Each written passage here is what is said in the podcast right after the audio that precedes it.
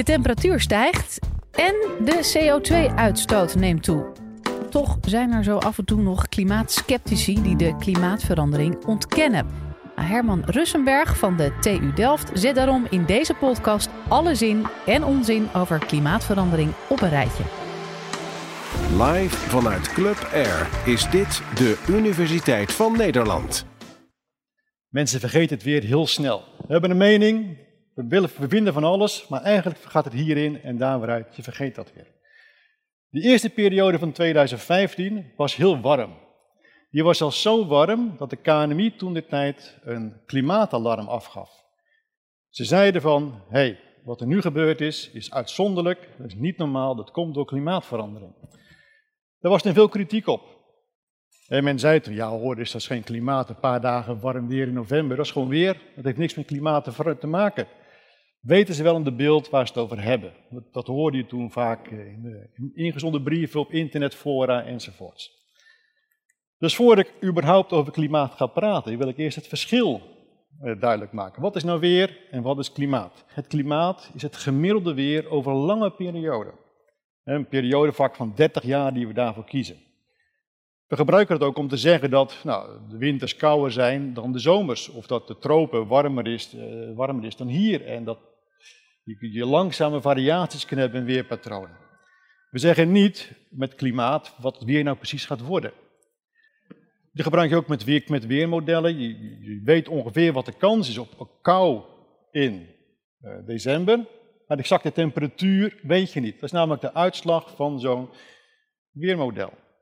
Wat we nou met klimaat aan het doen zijn, met klimaatverandering, we zijn de kansen op bepaalde type weer zijn we aan het veranderen. We weten nu minder goed wat de kans is op een bepaald weertype. Dat komt door klimaatverandering. We hebben de kansen op het weer hebben veranderd. Dat wil niet zeggen dat bijvoorbeeld de kans op een Elfstedentocht nou volledig is vertrokken. Nee, die kan altijd nog komen. Maar de kans op is wel veel kleiner. Dus weer, of klimaat is het weer gemiddeld over 30 jaar. Zo is dat gedefinieerd.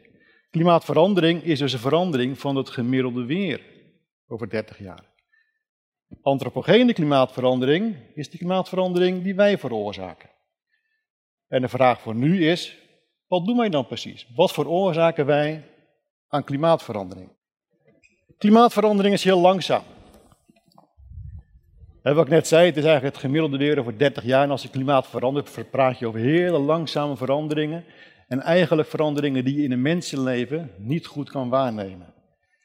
Dat maakt het besef van klimaatverandering bij veel mensen heel moeilijk. Want ja, je ziet niks. En ja, je moet de, de fysica begrijpen, je moet de modellen begrijpen, je moet een lange termijnen moet je kijken. Maar uiteindelijk zie je er in een mensenleven niet zo gek veel van. Dus denk je al snel van, ach, het is niks aan de hand. Wat heeft nu het KNMI, verleden jaar november, precies gezegd? Met die, met die code oranje die ze afgaven. Ze hadden berekend van, hé, hey, uh, die week warm weer in november, hoe uitzonderlijk is dat eigenlijk? Kan je dat verklaren aan de hand van het klimaat wat we kenden in 1900? Nou, die kans daarop, op die uitzonderlijke week in november, was verwaarloosbaar klein. Eigenlijk zeiden ze, het zou niet kunnen voorkomen met dat klimaat. Pas als je klimaatverandering meeneemt, dus je stopt er een graad extra opwarming bij, kon je wel verklaren, aannemelijk maken dat zo'n warme week zou kunnen voorkomen. Dus toen de KNMI het code oranje afgaf, hadden ze gewoon gelijk. Dat is zo uitzonderlijk, dit had normaal gesproken niet kunnen gebeuren. Je ziet overal op de wereld kleine veranderingen in de gemiddelde temperatuur optreden. Niet overal hetzelfde. Sommige plekken koelen zelfs een beetje af en andere plekken worden steeds warmer.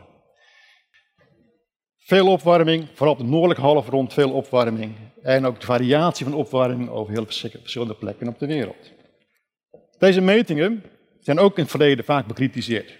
Klimaatceptici zeiden van, uh, ja hoor eens, uh, die opwarming, dat is misschien wel zo gemeten, maar dat komt niet door uh, CO2 bijvoorbeeld, of door menselijk handelen. Nee, wat je daar ziet, is opwarming omdat de steden groter worden.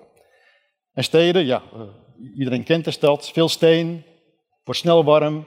En als er dan ergens een thermometer staat en in de loop der tijd wordt zo'n stad groter, komt hij dichter bij een thermometer te staan en dan licht krijg je hogere temperaturen. Dus wat je hier meet is niet de opwarming van de aarde, nee de uitbreiding van de steden. Dus was er een club eh, sceptici in Amerika, in Berkeley, die zeiden, weet je wat, we gaan die metingen opnieuw analyseren. En dan doen we eigenlijk die thermometers die in de buurt staan van de stad, halen we eruit. Wat overblijft moet dan een goede meting zijn. Wat bleek? Ze kregen hetzelfde resultaat. Zelfs nog een beetje meer dan voorheen werd gezegd. Dus die opwarming van de aarde is echt. Die is echt aan de hand.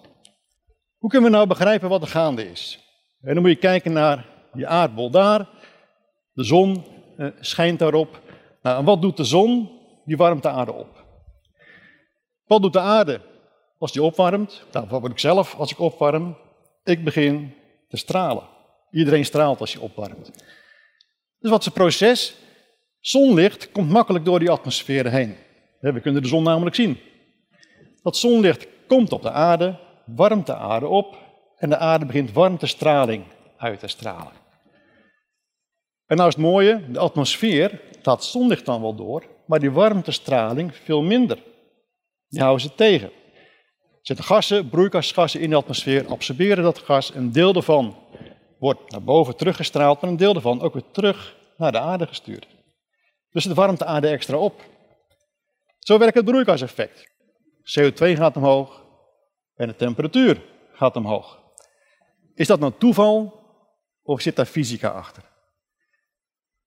Nou, het antwoord is duidelijk, dat is geen toeval, want de fysica waardoor de temperatuur stijgt als je meer CO2 in de atmosfeer stopt, is eigenlijk vrij simpel.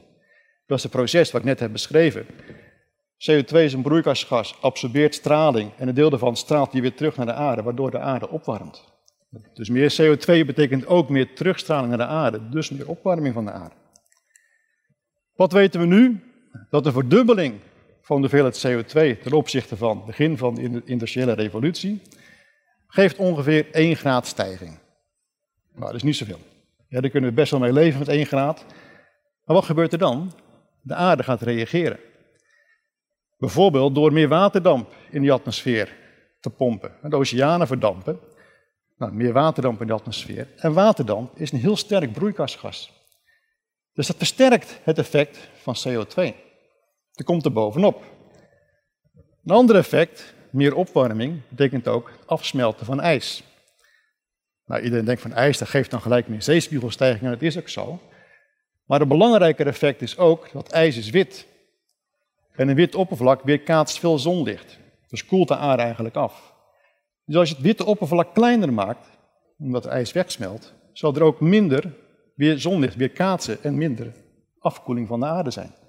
Dat is ook weer een positief effect op de extra opwarming. Als je nu al die factoren samenneemt, van CO2-stijging, natuurlijke factoren, zijn we überhaupt dan in staat om de gemeten temperatuurstijging te verklaren aan de hand van natuurlijke variaties alleen? Nee. Wat je ook probeert met allerlei berekeningen, daar kom je niet mee. Je hebt altijd CO2 nodig om die extra gemeten opwarmingen te kunnen verklaren. Dat is de enige manier om het voor elkaar te krijgen. Als we de balans opmaken, de belangrijke factoren die een rol spelen. Broeikasgassen. Het gros daarvan geeft een extra opwarming van de aarde. En we begrijpen, begrijpen vrij goed hoe sterk die opwarming is. Maar een belangrijke boodschap is ook dat CO2, elke molecuul die we nu in de atmosfeer pompen, blijft daar honderden jaren zitten. Dus zelfs als we nu zouden stoppen, blijft die effect van de afgelopen 200 jaar blijft nog wel dooreilen. Dat is een gas wat heel langzaam afbreekt. Dat geldt minder voor die andere gassen. Dus vandaar dat CO2 zo'n belangrijk broeikasgas is. Dat brengt ons snel terug bij de vraag van wie is nou verantwoordelijk hiervoor? dus uh, die CO2, als dat nou zo'n belangrijk gas is, wie draagt de verantwoordelijkheid? Wat je kan zien dat landen als India en China de laatste 20 jaar enorm zijn gegroeid in de productie van CO2, in de emissie van CO2. Maar je ziet ook dat landen als uh, de Verenigde Staten en, en gebieden als Europa al heel lang veel produceren en vrij stabiel daarin zijn. Er zit wel een beetje variatie in, maar vrij stabiel. Wie is verantwoordelijk voor klimaatverandering door CO2, denken jullie? Zijn wij dat? Of is het een natuurlijk proces?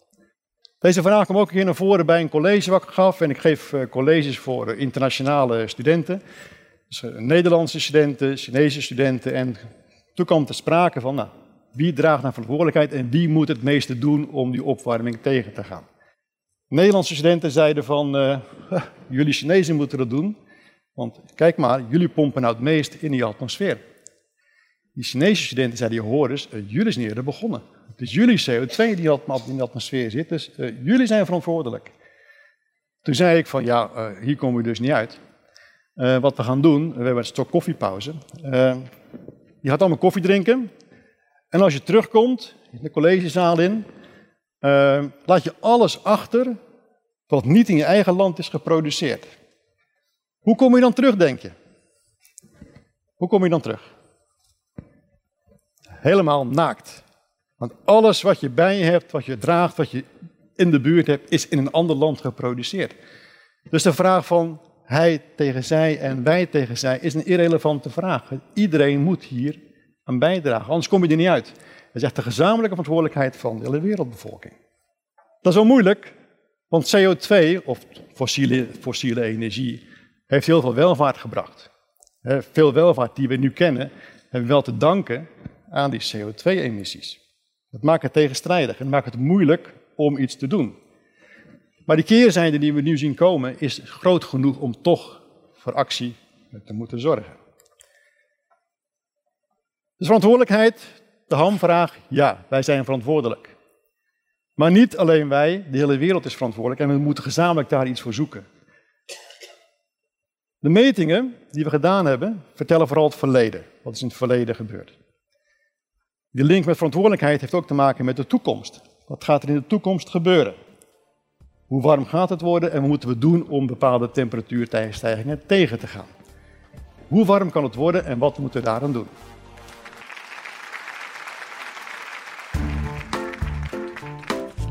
Dit was de Universiteit van Nederland. Wil je nou nog meer horen, bijvoorbeeld over de vraag waarom zoveel millennials kampen met een burn-out? Of hoe je een oogbal kunt bioprinten? Check de hele playlist.